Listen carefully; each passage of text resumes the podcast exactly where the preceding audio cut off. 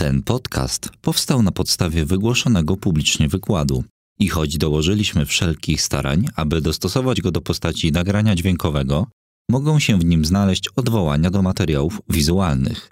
Życzymy przyjemnego odbioru. Granice nauki. Przełomy w nauce. Jak rośliny tworzą chmury, czyli historia niejawnej gospodarki wodnej.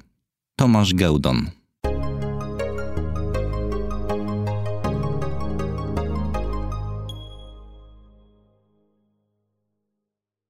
Bardzo dziękuję za ponowne zaproszenie. I w związku z e, długą listą tematów stawiam się jako obrońca pokrzywdzonych i będę znowu mówił o roślinach. Tematem tego spotkania jest proces transpiracji, czyli proces zachodzący permanentnie, cały czas, ale jednak niedostrzegalny i w zasadzie nawet jak znika, to sobie człowiek nie uświadamia, że dyskomfort, który odczuwa, jest pochodną właśnie ustania, towarzyszenia roślin w jego otoczeniu. Transpiracja jest procesem parowania wody, z tym, że jest to parowanie wody bardzo konkretne, gdyż jest to raz parowanie wody z wnętrza ciała rośliny, a nie wody z liścia po deszczu, tak, która została. To jest jedna rzecz. Natomiast druga, że jest to proces w pełni przez roślinę kontrolowany, ale jednocześnie bardzo silnie sprzężony z warunkami fizycznymi, które panują w otoczeniu rośliny. Proces transpiracji ma swój udział w krążeniu globalnym wody na Ziemi i myślę, że takie rysunki każdy z Państwa kojarzy z czasów gimnazjum, szkoły podstawowej, ponieważ w programie jest to na bieżąco. I patrząc na taki schemat, proces transpiracji znajdujemy tutaj. To jest ta jedna strzałka. Udało mi się znaleźć taki schemat, w którym jest on najmniej zaniedbany, a de facto jest to proces, jak sobie Państwo uświadomią, mam nadzieję, w toku wykładu, jest to proces kluczowy w ogóle, że woda krąży po środowisku. E, głównym bohaterem tego wykładu jest Stephen Hales, e, Brytyjczyk, e, bardzo słusznie nagrodzony przez Towarzystwo Królewskie, który był fizjologiem i pierwszy zwrócił świadomą, naukową i eksperymentalną uwagę na procesy, dzięki którym rośliny funkcjonują. Ponieważ generalnie wiemy, że są rośliny obok, mamy jakieś odczucie w stosunku do nich, że żyją, ale jak robią, co robią z naszym otoczeniem, to tego nie wiemy, tego w ogóle nie widać. To nie jest tak jak zwierzę, że kot biegnie, miałknie, na coś nadepnę, coś zgniotę, coś zapłacze, tak? Z rośliną tak nie ma. Stephen Hales, 1727 rok, to jest data jego publikacji o statyce roślin. Zajmował się nie tylko fizjologią roślin, ale też fizjologią zwierząt, przenosząc pewne mechanizmy eksperymentalne na zwierzęta, dosyć makabrycznie, ale o tym na szczęście nie będę mówił. Natomiast to, co chciałbym, żeby sobie Państwo uświadomili, to fakt, że jest to pierwsza połowa XVIII wieku. To jest strasznie wcześnie, więc tym samym eksperymenty, które prowadził, jak na miarę tamtego poziomu świadomości społecznej naukowej były niezwykle odkrywcze. No sam fakt, jakby widzimy rycinę, że ściął roślinę, zaczopował miejsce ścięcia tak, i wstawił ją czubkiem, czyli odwrotnie niż rośnie do wody, no jest, no nie wiem, czymś takim można powiedzieć raczej zabawą dziecka, ale w tamtych czasach no, sam pomysł, żeby odwrócić roślinę do góry nogami i zobaczyć, czy ona sobie w tym poradzi, no, był niezwykle nowatorski. Inne eksperymenty, które badał, to jest eksperyment dotyczący bezpośrednio transpiracji i powielany dzisiaj na poziomie nauki szkoły podstawowej, a tam był odkrywczy. Kiedy gałązkę rośliny zawinie się czymś szczelnym, wówczas od strony wewnętrznej pojawiają się kropelki wody. Jest to takie złudzenie, jakby roślina się pociła, tak jak było za gorąco i się pociła, a jest to nic innego jak skraplająca się para wodna, która wydobywa się z wnętrza rośliny. Czy mechanizmy badające, eksperymenty, przepraszam, badające ciśnienia generowane przez zjawisko transpiracji u roślin, czy badające ciśnienia innego rodzaju generowane przez roślinę, ale generowane w sposób aktywny, nie wykorzystujący bierne zjawiska fizyczne. Żeby temat był jasny i żeby można było rozumieć całą myśl naukową i rolę roślin w globalnych procesach, potrzebuję wytłumaczyć kilka pojęć. Pierwszym z nich jest osmoza. Osmoza jest zjawiskiem, który, które zachodzi w sposób pasywny, bierny i wynika z ogólnego panującego w świecie cząsteczek dążenia do harmonii, dążenia do równowagi. Takim procesem prostszym niż osmoza jest proces dyfuzji, gdzie w przypadku zaistnienia nieprawidłowości w gęstości cząsteczek w pewnym otoczeniu, w pewnej przestrzeni, te cząsteczki będą się rozpraszać tak, żeby wyrównać odległości między sobą. Czyli jakby generalnie świat dąży do równowagi cały czas, tak? dąży do harmonii. W przypadku osmozy mamy do czynienia z również dyfuzją, z tym, że zmiany gęstości cząsteczek są oddzielone błoną, która ma selektywny charakter, jest półprzepuszczalna, czyli nie wszystko przez nią może swobodnie wędrować. Tym samym, jeśli umieścimy błonę półprzepuszczalną pomiędzy roztworami różniącymi się stężeniami, substancja rozpuszczona w roztworze jest za duża, żeby przejść przez pory błony półprzepuszczalnej. I tym samym będzie przechodziło, dążąc do równowagi, to co może, czyli cząsteczki wody, więc w efekcie lustro, tam gdzie jest większe stężenie tego otoczenia, lustro roztworu się podniesie.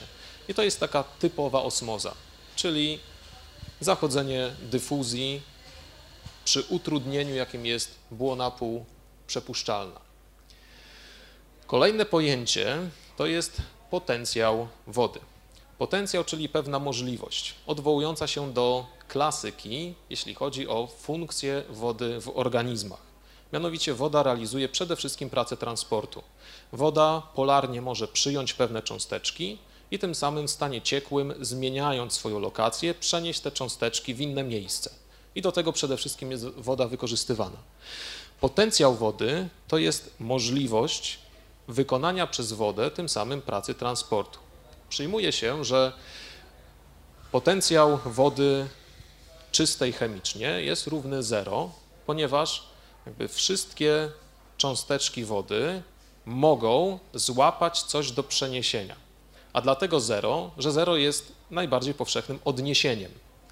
Jeśli cokolwiek się zmieni w tym układzie, czyli woda przestanie być czysta, no nie może być bardziej czysta niż chemicznie czysta, czyli może ulec tylko obciążeniu innymi cząsteczkami, tym samym potencjał wody będzie malał, ponieważ będzie coraz mniej wolnych cząsteczek do wykonania pracy transportu, gdyż będzie wraz ze wzrostem stężenia przybywało też cząsteczkowych obciążeń. Zjawiska osmotyczne możemy, zachodzące w roślinach, możemy mierzyć i możemy symulować na bardzo prostych modelach fizycznych i autorem takiego najbardziej znanego, jednego z pierwszych modeli jest model taki, powiedzmy, model osmotyczny komórki roślinnej. To jest model Wilhelma Pfeffera z końca XIX wieku. Wygląda to następująco. To jest jego urządzenie, zresztą wyrysowane, to jest jego rysunek. Natomiast to jest model komórki roślinnej, ale tylko w kontekście osmotycznym. Komórkę tę tworzy się w następujący sposób. Mianowicie jest kluczowe naczynko, w którym będzie się wytwarzało błony półprzepuszczalne i to naczynko jest zrobione z porowatej glinki. Następnie do tego naczynka wlewa się żelazo cyjanek potasu i całe naczynko napełnione tym umieszcza w siarczanie miedzi. W związku z czym zachodzi reakcja na porach, gdzie kontaktują się te ciecze i wytwarza się żelazo cyjanek miedzi, który jest półprzepuszczalną membraną. Przepuszcza wyłącznie cząsteczki wody, natomiast wszystkie inne są zatrzymane. I tym samym tak przygotowane naczynko napełnia się jakimś roztworem, najpowszechniejszy roztwór cukru i umieszcza w otoczeniu wodnym. Tym samym dochodzi do zjawiska podnoszenia się słupa rtęci w podłączonym w górnym elemencie manometrze mierzącym ciśnienie, ponieważ w roztworze sacharozy wody jest mniej, tak, zdolnej do wykonania pracy transportu. Tutaj jest woda czysta, więc żeby wyrównać, woda będzie napływać tam, gdzie jest jej mniej, aby było jej porówno po prostu. Czyli jest to dokładnie przeniesienie zjawiska osmozy. Oczywiście woda nie będzie nieskończenie wpływać, gdyż w pewnym momencie podnoszący się słup rtęci da opór zwrotny zatrzymujący napływ wody. Czy to jest jasne dla Państwa? Tak, bardzo dziękuję. Jest to feedback, że jest komunikatywnie. I tym samym mamy do czynienia z kolejnym pojęciem, mianowicie z potencjałem osmotycznym. Potencjał osmotyczny najłatwiej sobie zapamiętać na tok wykładu jako siłę ssącą. Potencjał to jest możliwość, ale możemy stwierdzić, jaka była ta możliwość dopiero po fakcie, kiedy został potencjał zrealizowany. Tak? Możemy stwierdzić, że ktoś miał wysoki potencjał, znakomity potencjał do bycia zawodowym, profesjonalnym sprinterem, ponieważ został tym sprinterem i osiągał pewne wyniki, które to potwierdziły. Prawda? I tym samym potencjał osmotyczny będzie to możliwość, wartość zrealizowania zassania wody przez roztwór.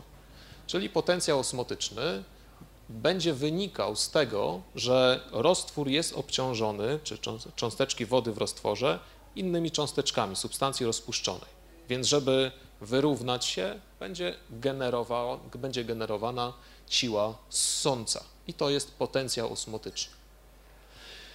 Tym samym elementy komórki Fefera dokładnie się będą konotowały osmotycznie z elementami komórki roślinnej, czyli naczynie to, w które zawierało czystą wodę, dokładnie odzwierciedla wodę, która otacza roztwór komórkowy, czyli będzie to woda umieszczona w ścianie komórkowej i najbliższym otoczeniu. To naczynko wewnętrzne z glinki, które zawierało roztwór, będzie tym samym odzwierciedlać sok komórkowy zamknięty w protoplaście o pewnym stężeniu. Błona półprzepuszczalna będzie symulować błonę otaczającą komórkę lub błonę otaczającą główną wakuolę w komórce, natomiast słupek rtęci, który zwrotnie zaczyna blokować napływ wody do wyrównania się parametrów, będzie tym samym odzwierciedlał ścianę komórkową, która nie jest na tyle rozciągliwa, żeby podążać nieskończenie za siłą ssącą i w końcu postawi pewien opór. Czy to Państwo widzą? Tak? Więc na podstawie takich prostych urządzeń mierzy się zjawiska zachodzące w komórce ponieważ w komórce stężenia można zmierzyć, można je zasymulować, natomiast same mechanizmy przenikania już, już, są trudne do stwierdzenia i pomimo tego, że pewne rzeczy implikują się w sposób logiczny, to empirycznie nie zostały niektóre potwierdzone do dziś. Ostatnia rzecz, ostatnia wartość jest to turgor, czyli wartość ciśnienia hydrostatycznego, które pojawia się wtedy, jak siła ssąca pobierając wodę z otoczenia, wody przybywa w komórce, to ta siła ssąca generuje zwrotnie nacisk na ścianę komórkową, co skutkuje pewnym stanem jędrności tej komórki. Możemy go zweryfikować naciskając na komórkę. Komórka oddaje to ciśnienie, ponieważ ma z czego. Tak? Wartość turgorowa jest zawsze dodatnia. Natomiast inne potencjały będą zawsze ujemne, ponieważ roztwór jest, powiedzmy, w kontekście wody czystej zanieczyszczony. Stąd mamy pewne sytuacje fizjologiczne u roślin, które wiążą się tylko z funkcjonowaniem osmotycznym komórki roślinnej. Zaznaczam, że my cały czas jesteśmy w kontekście jedna komórka i jej najbliższe otoczenie, Natomiast te proste zjawiska przenoszą się również na całe mnóstwo komórek, jakim jest organizm roślinny, a otoczenie tego organizmu. Tak? Najpierw jesteśmy na najniższym poziomie.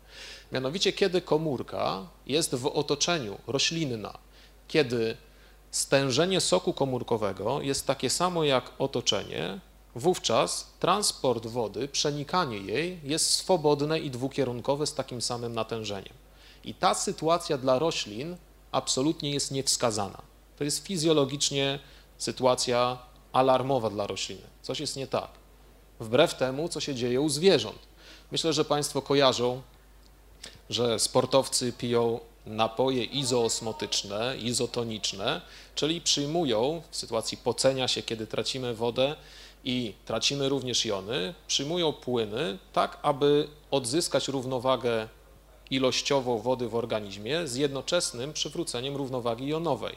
Czyli stąd u zwierząt absolutnie właśnie izotoniczność jest stanem normatywnym. Natomiast u roślin zawsze musi dochodzić do naddatku wody w komórce, ponieważ stan turgoru, czyli ta presja wywierana na ścianę komórkową, umożliwia rozprężanie się komórki, naciskanie na inną komórkę i w konsekwencji stan jędrności całego organizmu roślinnego. Co można sobie łatwo uświadomić, jak się zrywa bukiet kwiatków polnych, tak, i kwiatek się zrywa, kwiatek jest w pionie i zanim się go doniesie do domu, to część już zaczyna więdnąć, dlatego że woda z roślin paruje, roślina je znikąd nie uzupełnia i dochodzi do tego stanu. Tym samym bez prężności rośliny nie są w stanie realizować wewnętrznego transportu w różnym aspekcie, w który się nie będę zagłębiał, ale również nie są w stanie utrzymać zielonych, delikatnych liści miękiszowych, aby chwytać nimi energię słońca do procesów asymilacyjnych. Jeśli jednak roślina znajdzie się w sytuacji przeciwstawnej, jej otoczenie będzie miało większe stężenie niż jej sok, to tym samym woda bezwiednie, nad czym roślina nie panuje, zacznie uciekać. Ściana komórkowa oczywiście jest ciałem stałym, więc nie, nie będzie podążała nieskończenie za protoplastem, który zacznie się odklejać od ściany komórkowej. Więc tutaj można sobie zapamiętać ten rysunek i mieć w pamięci to, że jak jest zima w mieście, wszędzie sypią solą, to potem ta sól się rozpuszcza, spływa do gleby, to jak czują się rośliny i czy tym roślinom jest rzeczywiście komfortowo, potem w ogóle nie tyle, że dobrze się czuć, co w ogóle wystartować z wegetacją. Tak. Żeby zachodziły zjawiska osmotyczne w roślinie, potrzebne są dwie rzeczy. Pierwsza rzecz została już omówiona, mianowicie różnice parametrów środowisk. Druga rzecz to błona półprzepuszczalna. Z błoną biologiczną jest pewien problem, mianowicie jest to struktura z jednej strony bardzo prosta, ponieważ weryfikacja chemiczna jasno sygnalizuje, że w skład błony komórkowej wchodzą fosfolipidy i wchodzą, czyli związki jakieś tam o charakterze niepolarnym i wchodzą białka, które są polarne, czyli jest takim pewnym zderzeniem, tak, jeśli chodzi o ładunki. I na zdjęciach wykonywanych promieniowaniem przechodzącym bardzo dokładnie widać, że błona to są dwie warstwy, które są bardzo gęste, jeśli chodzi o elektrony, czyli nie przepuszczają elektronów, a pomiędzy nimi jest bardzo jasna szczelina, luka elektronowa, bardzo mała gęstość. No ale teraz jak to się dzieje, że pewne rzeczy przechodzą, pewne nie? Empirycznie stwierdzono, że im bardziej coś jest rozpuszczalne w tłuszczach, tym samym swobodniej przechodzi przez błonę, co implikuje wniosek, że główny zrąb błony musi mieć charakter niepolarny, tak, czyli tłuszczowy, więc pewnie te fosfolipidy. Natomiast gdzieś tam muszą też być białka. Ostatecznie zaproponował Nicholson w 1972 roku razem z Zingerem, są Amerykanie, model płynnej mozaiki, który dzisiaj jest powszechnie znany, wyznawany, no i został też potwierdzony, że błona strukturalnie jest mozaiką, czyli układem cząsteczek jednocześnie pewnym aspekcie regularnym i powtarzalnym, a w pewnym aspekcie nieregularnym, tak jak mozaika malarska. Regularny układ stanowi o dwie warstwy fosfolipidów, które wykonują pewne ruchy cząsteczkowe między sobą, natomiast tę mozaikowatość w aspekcie nieregularności zapewniają umieszczone w błonie białka w różny sposób i reguły na to rozmieszczenie takiej geometrycznej nie ma. Pewne białka są umieszczone w jednej tylko warstwie, inne przechodzą przez obie, inne są na powierzchni, inne jeszcze pomiędzy warstwami. Tutaj układ jest bardzo bogaty. Przy czym ta błona tutaj to jest konkretnie model zaproponowany w 1972 roku. Jest to model błony zwierzęcej. W błonach roślinnych również są najprawdopodobniej obecne białka, które mają charakter nośnikowy, ponieważ stwierdza się istnienie transportów warunkowanych przez takie białka, ale nie znaleziono ich i nie udowodniono ich istnienia. Póki co. Tak. Kolejna rzecz, która ostatnia, jest mi potrzebna do tego, żeby przy tłumaczeniu pewnych zjawisk móc się odwołać, to jest opracowana przez Donana Fredrika i Gipsa teoria równowagi Donana, czy prawo równowagi Donana, mówiące też o pewnej osmozie, ale dotyczącej ładunków. Mianowicie, jeśli mamy pewne ładunki dodatnie i pewne ładunki ujemne, tego na razie nie ma, to po drugiej stronie też mamy ładunki dodatnie, ujemne, jest błona przepuszczalna, to naturalnie jony mogąc przechodzić przez błonę, będą ostatecznie tak wędrować, żeby było porówno jonów dodatnich i jonów ujemnych po obu stronach błony.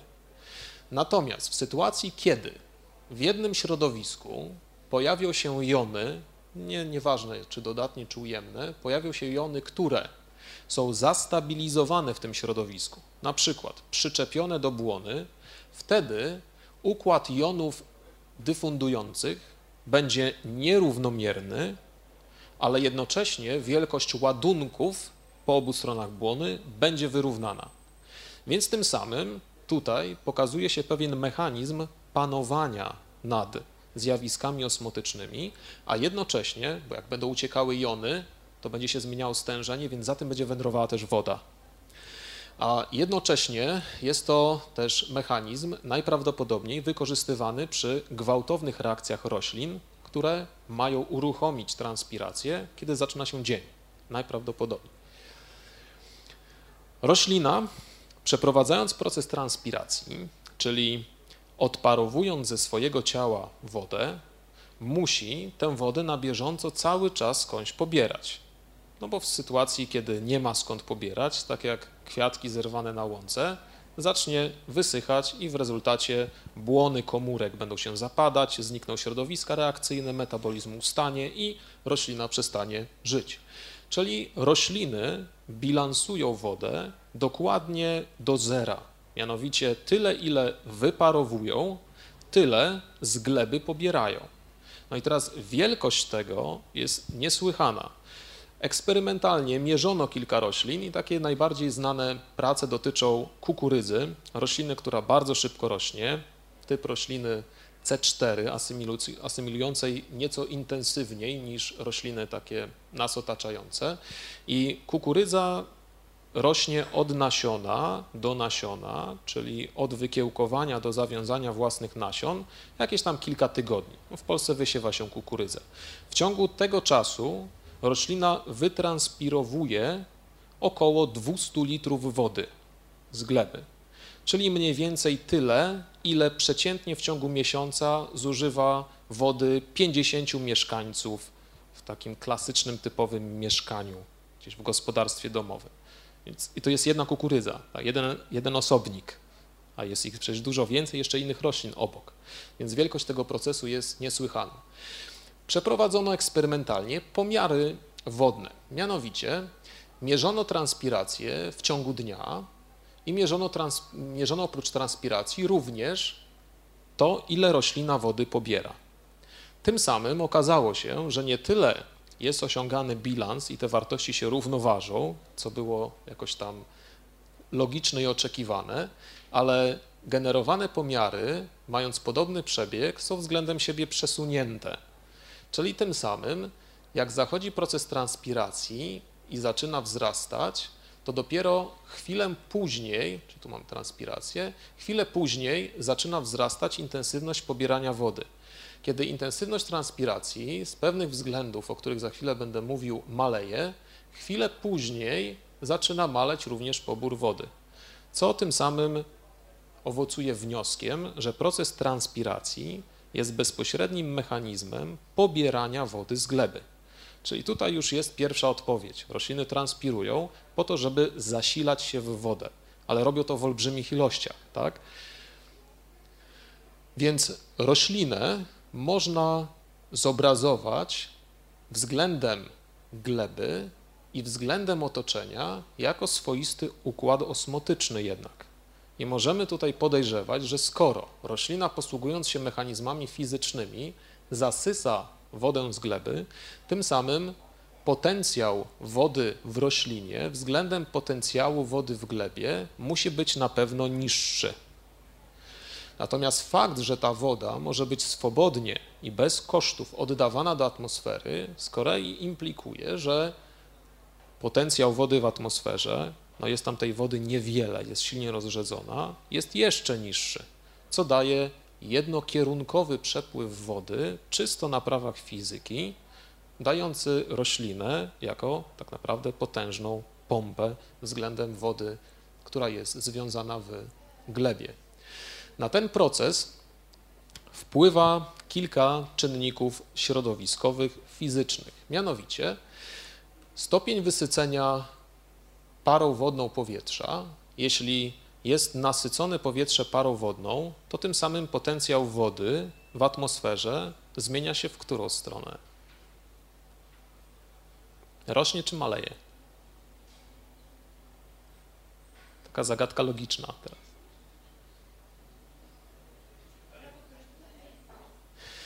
Jeśli zwiększa się ilość pary wodnej w powietrzu, tym samym potencjał wody w atmosferze względem takiego niezaparowanego jest wyższy czy niższy? Jest wyższy, dokładnie, czyli tym samym zaczyna niknąć siła ssąca wynikająca z różnicy potencjałów. Wpływ na to ma istotny temperatura, czyli w pewnych wartościach temperatury dla rośliny będzie bardzo trudno realizować proces transpiracji, otwierać aparaty szparkowe, które służą do tego i tym samym zapewniać sobie gazy do procesów asymilacyjnych własnych, ponieważ intensywność parowania wody z rośliny będzie wyższa niż jest zdolność do pobierania z gleby. Więc jakoś będzie musiała sobie wtedy radzić i aparaty szparkowe zamykać. Czyli tym samym, jeśli będzie wysokość, przepraszam, wilgotność atmosfery niższa, to podciśnienie będzie tym samym, czyli siła ssąca atmosfery dla rośliny wyższa. I to będzie musiała roślina w jakiś sposób kontrolować, musząc sobie zapewnić stan normatywny. To jest zdjęcie powierzchni liścia, które, która jest pokryta aparatami szparkowymi, czyli strukturami tkankowymi, są to wytwory skórki, które umożliwiają parowanie wody z rośliny. Czyli jeśli roślina chce odparować wodę, otwiera aparaty szparkowe i woda sobie może dyfundować do atmosfery. Jeśli nie chce, zamyka. Tak? Czyli będzie jakiś prosty mechanizm. Roślina aparaty szparkowe rozmieszcza w sposób rozsądny. Mówię tutaj oczywiście przez pryzmat ewolucyjnego kształtowania się dzisiaj działających organizmów. Bardzo prosty eksperyment, który dzisiaj też w takim wymiarze szkolnym jest powszechnie omawiany, pokazuje, gdzie roślina umieszcza sobie aparaty szparkowe. Więc oczywiście tam, gdzie przeprowadza asymilację, tak żeby pozyskiwanie z powietrza gazów dwutlenku węgla było od razu do miejsca wykorzystania i nie mieć kosztów transportu, Roślina umieszczona w wodzie z posmarowanym liściem wazeliną z różnej strony. Jeśli liść się pokryje tłuszczem, tym samym tworzy się warstwę hydrofobową i blokuje parowanie z rośliny. Więc w jednym wariancie wazeliną pokrywa się wierzchnią stronę liści, w innym wariancie spodnią, w innym wariancie obie powierzchnie, a w jeszcze innym w ogóle nic. Poziom wody we wszystkich zestawach jest identyczny i na wodę jest naniesiona również warstewka oleju.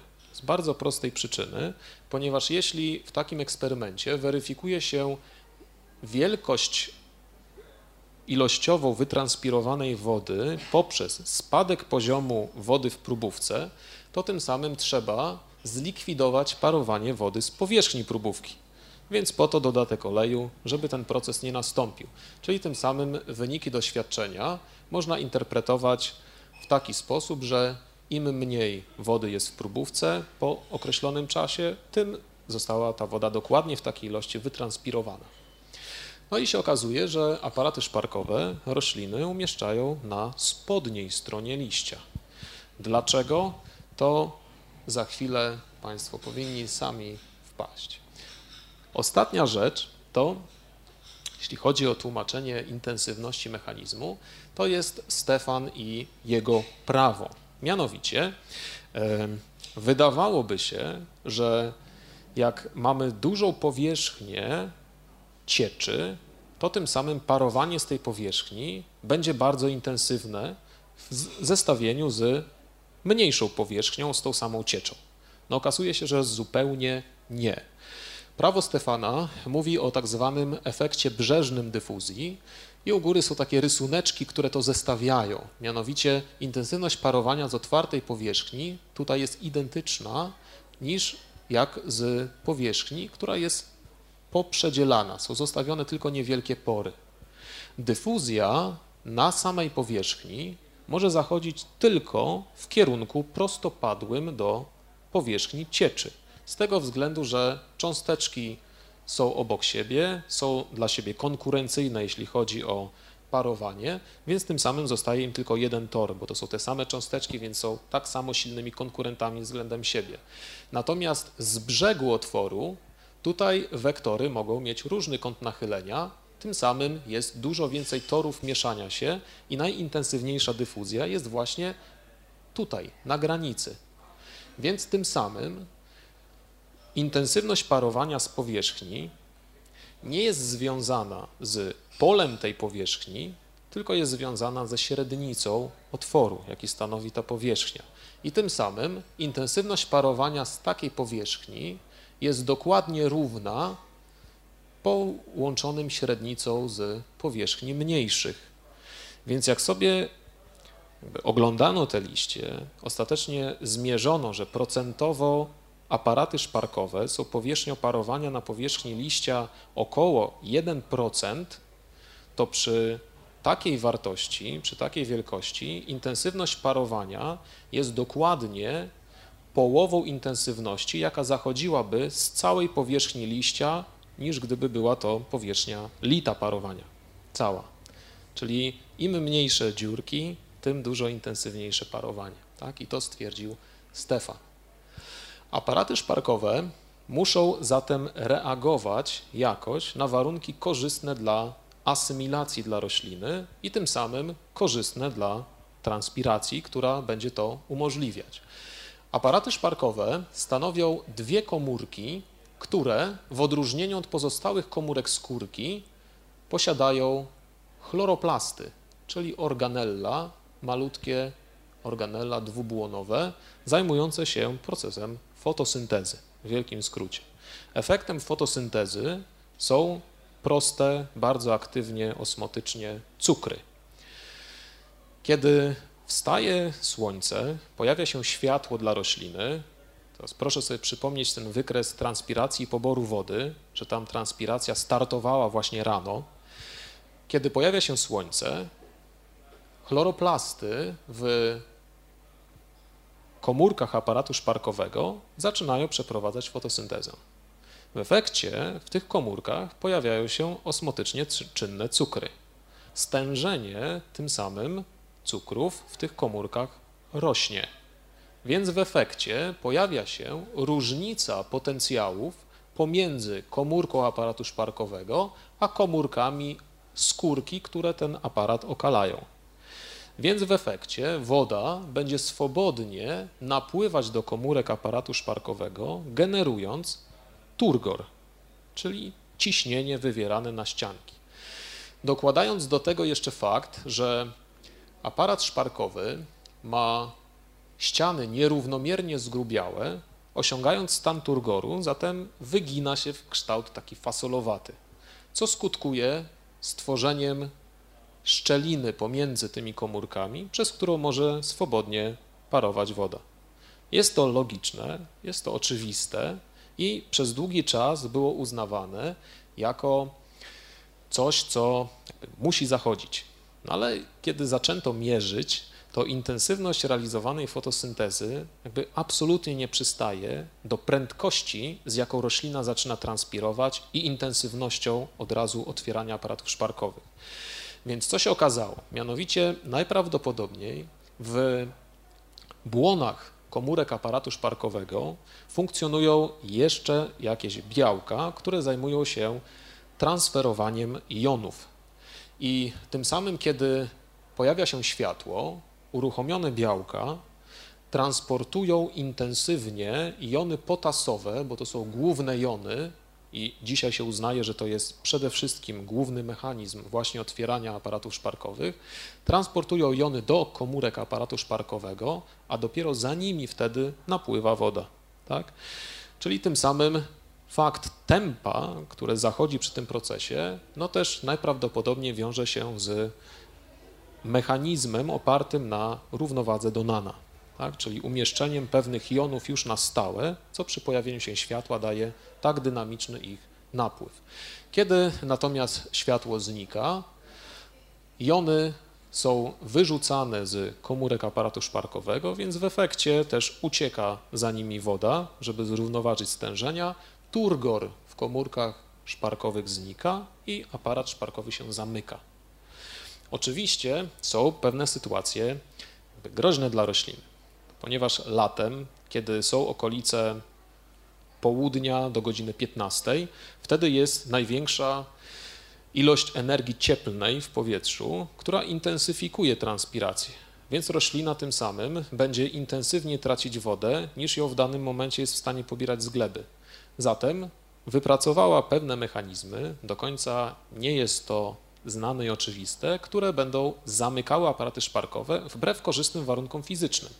Na przykład cukry, które są w komórce aparatu otwartego, są osmotycznie czynne, ale jeśli te proste cząsteczki glukozowe roślina enzymatycznie połączy w polisacharyd, na przykład w skrobie, tak, cukier roślinny, skrobia jest nierozpuszczalna w wodzie, więc nie zmienia ciśnienia osmotycznego, więc tym samym woda będzie uciekać. Z powrotem aparat się zamknie tak? No ale jest to kwestia ponoszenia pewnych kosztów metabolicznych na taki proces. Zatem na procent otwartych aparatów szparkowych będzie wpływała temperatura otoczenia i przy zbliżaniu się do wartości przekraczających optimum procesu fotosyntezy, roślina aparaty szparkowe będzie, chroniąc się przed utratą bilansu równowagi wodnego, będzie zamykać. Innym czynnikiem, który bardzo wpływa na intensywność transpiracji, jest prędkość ruchu powietrza. Jak wieje wiatr, to myślę, że nawet empirycznie mogą Państwo kojarzyć. Jak jest gorący dzień, taki jak dzisiaj na przykład, i zrobi się pranie, i to pranie się wywiesi, żeby wyschło, no to to pranie powiedzmy wyschnie szybciej niż gdyby nie było gorąco, ale jednak ta różnica w czasie schnięcia nie jest aż tak istotna. Ale jeśli pranie się wywiesi na zewnątrz, kiedy jest dzień pochmurny, jest chłodno, ale wieje intensywny wiatr, całe pranie potrafi wyschnąć nawet w 10 minut. Więc tym samym tempo intensyfikacji parowania jest niezwykłe. No, wiąże się to z tym, że pierwsza rzecz, ruch cząsteczek powietrza powoduje zabieranie cząsteczek parujących z nad powierzchni cieczy. Tym samym szybciej robi się miejsce na nowe. Druga rzecz to wiejący wiatr wprowadza więcej zakłóceń wektorowych, którymi mogą cząsteczki wody czy tam cieczy uciekać z danej powierzchni. Więc tym samym się to multiplikuje i przekłada na tak dużą intensywność. Zatem roślina będzie działała jako swoista pompa, ale w pewnych warunkach jednak tę transpirację regulując. Natomiast wszystko będzie oparte na różnicy potencjałów pomiędzy atmosferą a glebą. Roślina będzie tylko pośrednikiem. I odnosząc się tutaj do wielkości intensywności transpiracji, jakby ilość wody, przez, która się przetacza przez roślinę i stawianie jej w sytuacji pośrednika, no jakby jak sobie pomyślimy, że powiedzmy koszt koszulki, którą kupujemy w odzieżowym za jakieś, załóżmy 15 dolarów, a koszt wytworzenia jej to kilkanaście centów jest, no to kto zgarnia większość? No pośrednik właśnie i to są przede wszystkim właśnie rośliny. Fakt, że roślina może transferować w sposób ciągły wodę, wiąże się z istnieniem dwóch sił cząsteczkowych dotyczących wody. Pierwsza siła to jest siła kohezji, czyli siły istniejącej pomiędzy cząsteczkami wody, wynikającej z ich polarności. Cząsteczki wody nawzajem się polarnie trzymają i kiedy rusza się jedną cząsteczkę, to ta cząsteczka ciągnie najbliższą niej. Więc w efekcie woda stanowi nierozerwalny słup cieczy w naczyniu, jakim jest roślina, tak? ciągnąc te cząsteczki. Siły kohezji znikają, kiedy woda, mając wyższą energię, przechodzi do formy gazowej. Druga siła to jest siła adhezji, która wiąże się z przyleganiem cząsteczek wody do ciał o charakterze polarnym lub po prostu obdarzonym ładunkiem. Siły kohezji można sobie najlepiej uświadomić, przypominając, kiedy dostało się napój i włożyło do napoju słomkę, to lustro wody w szklance i lustro wody w słomce nie są na tej samej wysokości. Lustro wody w słomce jest wyżej, z tego względu, że przy tak małej powierzchni siły adhezji działają w większym stopniu i cząsteczki wody doklejają się do wewnętrznej ściany słomki, podnosząc trochę całe lustro. Oczywiście do momentu zrównoważenia z grawitacją. Stąd u roślin Wszystkie struktury zajmujące się transferowaniem wody mają odpowiednio małe średnice, aby tym samym z wykorzystaniem adhezji móc jeszcze intensywniej ciągnąć wodę do góry. Teraz wracając do transportu dalekiego. Byliśmy na początku na poziomie komórka i otoczenie, potem przeszliśmy do całości rośliny, ale teraz, żeby zwrócić uwagę na wykorzystanie tego samego mechanizmu. Jeśli roślina odparowuje wodę z liści, czyli otwiera aparaty szparkowe, woda ucieka, bo w atmosferze jest potencjał dużo niższy, tym samym w liściu jest generowany deficyt wody, czyli jest tam zaniżane ciśnienie, i tym samym generowana siła ssąca o ujemnej wartości. Ta siła ssąca liści powoduje zasysanie, załóżmy, że to jest słomka, zasysanie całego słupa wody do góry. Cząsteczki wody trzymają się w kupie, więc słup wody jest podciągany, w efekcie czego podciśnienie jest przenoszone na korzenie. Podciśnienie w korzeniach powoduje tym samym siłę ssącą, generowaną względem wody glebowej i pobór jej. Czy to jasne? Jasne. Stąd roślinę można jak najbardziej zestawić już całą, nie tylko komórkę, ale całą jako układ osmotyczny z otoczeniem.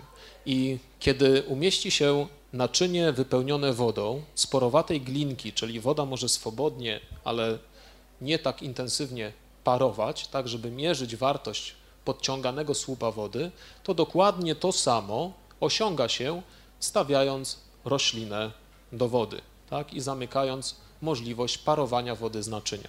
Więc roślina de facto robi to samo. Drugim mechanizmem, nad którym eksperymentalnie także, stąd takie rysunki, że roślina była przecięta, jakimś wężem połączona, było zjawisko badane przez Helsa parcia korzeniowego. Parcie korzeniowe również generuje transport wody, transfer wody w tym samym kierunku, ale o innej wartości. Mianowicie w pewnych warunkach transpiracyjnych jednak nie jest możliwy ten proces. Czyli na przykład atmosfera jest tak wysycona wodą, że dochodzi do zrównania potencjału wodnego z rośliną, więc nie ucieknie, bo po co? Nie ma gdzie. Czy na przykład są tak zakłócone stężenia w glebie, że analogicznie nie ma różnicy potencjałów. Roślina musi sobie z tym jakoś poradzić. Czy najczęstsza sytuacja, kiedy roślina po prostu nie ma liści. Większość roślin gubi liście na zimę w naszym klimacie tutaj umiarkowanym z tego względu, że niskie temperatury spowodują zniszczenie aparatów asymilacyjnych, więc jakby roślina i tak je straci. Jesienią, szykując się do snu, odciąga to, co może w postaci roztworów z liści, barwniki, cukry, wodę, to powoduje znikanie chlorofilu, przebarwianie się, czyli odsłanianie barwników towarzyszących, czerwienie, żółcie i transport wszystkich tych roztworów do korzenia, aby stracić jak najmniej. Liście się wtedy zsychają i odpadają, spadają z rośliny. Natomiast na wiosnę, kiedy pojawiają się korzystne warunki do transpiracji, no liści nie ma. Roślina musi je wytworzyć, ale nie wytworzy ich z niczego, prawda? No musi mieć jakieś komponenty organiczne. Więc to, co zmagazynowała w korzeniach, w miękiszach, musi dostarczyć do góry, czyli tym samym będzie tę wodę nie z góry zasysać, tylko od dołu ją do góry tłoczyć. I to jest właśnie wielkość parcia korzeniowego. to jest również eksperyment Halesa, mianowicie kiedy roślinę zetnie się tak, aby zlikwidować liście, wówczas na powierzchni ścięcia pojawiają się cały czas wysączające się krople. No zlikwidowaliśmy siłę ssącą liści, tak? Roślina została ścięta, nie ma czym zasysać, więc skąd ta woda się bierze? Musi być mechanizm jakiś ulokowany w korzeniu. I w korzeniu rzeczywiście taki mechanizm działa, z tym, że jest to już wykorzystanie nie biernych praw fizyki, ale wykorzystanie praw fizyki za zapłatę, jaką jest koszt energii, koszt pracy wykonanej przez roślinę. Mianowicie najprawdopodobniej roślina wykorzystuje coś zbliżonego do mechanizmu jonowego funkcjonującego przy komórkach aparatu szparkowego pobierając aktywnie jony z otoczenia, z roztworu glebowego, podnosi stężenie w korzeniu jonów. To skutkuje różnicą potencjałów powodującą wędrówkę za rosnącym stężeniem również wody. I tym samym woda wciskając się do rośliny powoduje, że lustro wody w całej roślinie się podnosi. I efektem takim znanym ludziom powszechnie jest wiosenny płacz roślin. To jest trochę humorystyczne, ale na wiosnę, kiedy robi się ciepło i zaczyna się już wegetacja, rośliny transportują parciem związki organiczne po to, żeby mieć materiał do wytwarzania pierwszych liści z pąków liściowych. Jak liście się pojawią, tym samym pojawia się siła ssąca, roślina za to już nie płaci i ma pobieraną wodę z gleby. Ale zanim się to wydarzy, jest taki zwyczaj w mniejszych jakichś tam miejscowościach, wsiach do dziś właśnie nawiercania głównie brzus i wsadzania wężyka, w związku z czym wycieka taka słodkawa woda i to jest właśnie sok brzozowy. Ilość asymilatów w tym płynie jest różna.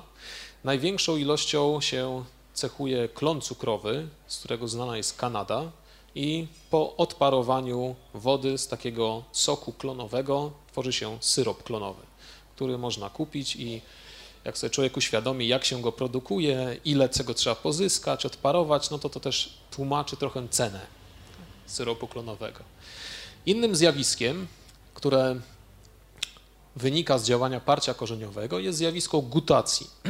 Mianowicie pewnych sytuacjach, chodzi tutaj konkretnie o najczęściej poranki, to jest chyba nazywane rosą, tak, często. się rano idzie na łąkę. Wilgotność powietrza przy niższej temperaturze jest dużo większa. Tym samym roślina, mając warunki do przeprowadzania procesu asymilacji, czyli do fotosyntetyzowania, no, musi mieć otwarte aparaty szparkowe, musi zasilać się w wodę i związki nieorganiczne, mieć światło i tym samym sobie działać fotosyntetycznie. No ale nie może otworzyć aparatów szparkowych, ponieważ ilość pary wodnej jest taka, że potencjał atmosfery, potencjał powietrza jest dokładnie taki jak rośliny, czyli ta woda nie paruje z niej.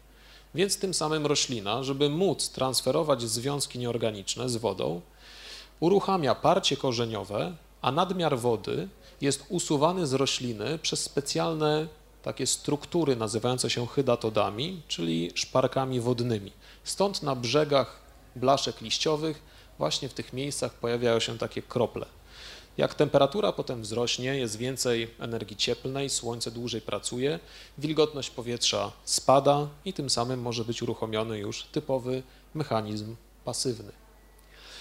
Intensywność transpiracji jest tak ogromna, że przy pewnych warunkach można wręcz obserwować las i formułujące się chmury nad lasem, które wynikają wyłącznie z intensywności procesu transpiracji. Chmury te, ze względu na swoją genezę, mają odrębną klasyfikację i nazywają się silvagenitus, czyli generowane przez las. Tak, potężnie. I to jest transpiracja, którą widać, tak, tworzącą się chmurę. Natomiast już kończąc, to mam nadzieję, że może Państwo Helsa nie do końca zapamiętają, ale był on również wynalazcą i to on właśnie wynalazł coś, co nam umila tutaj czas i pobyt, mianowicie wentylator, więc jeśli niekoniecznie wspomnicie go, siedząc sobie w korzystniejszych warunkach latem, bo pod drzewami, gdzie jest chłodniej właśnie przez zachodzącą transpirację, no to może wspomnicie go chociaż przy wentylatorze. Tyle. Dziękuję.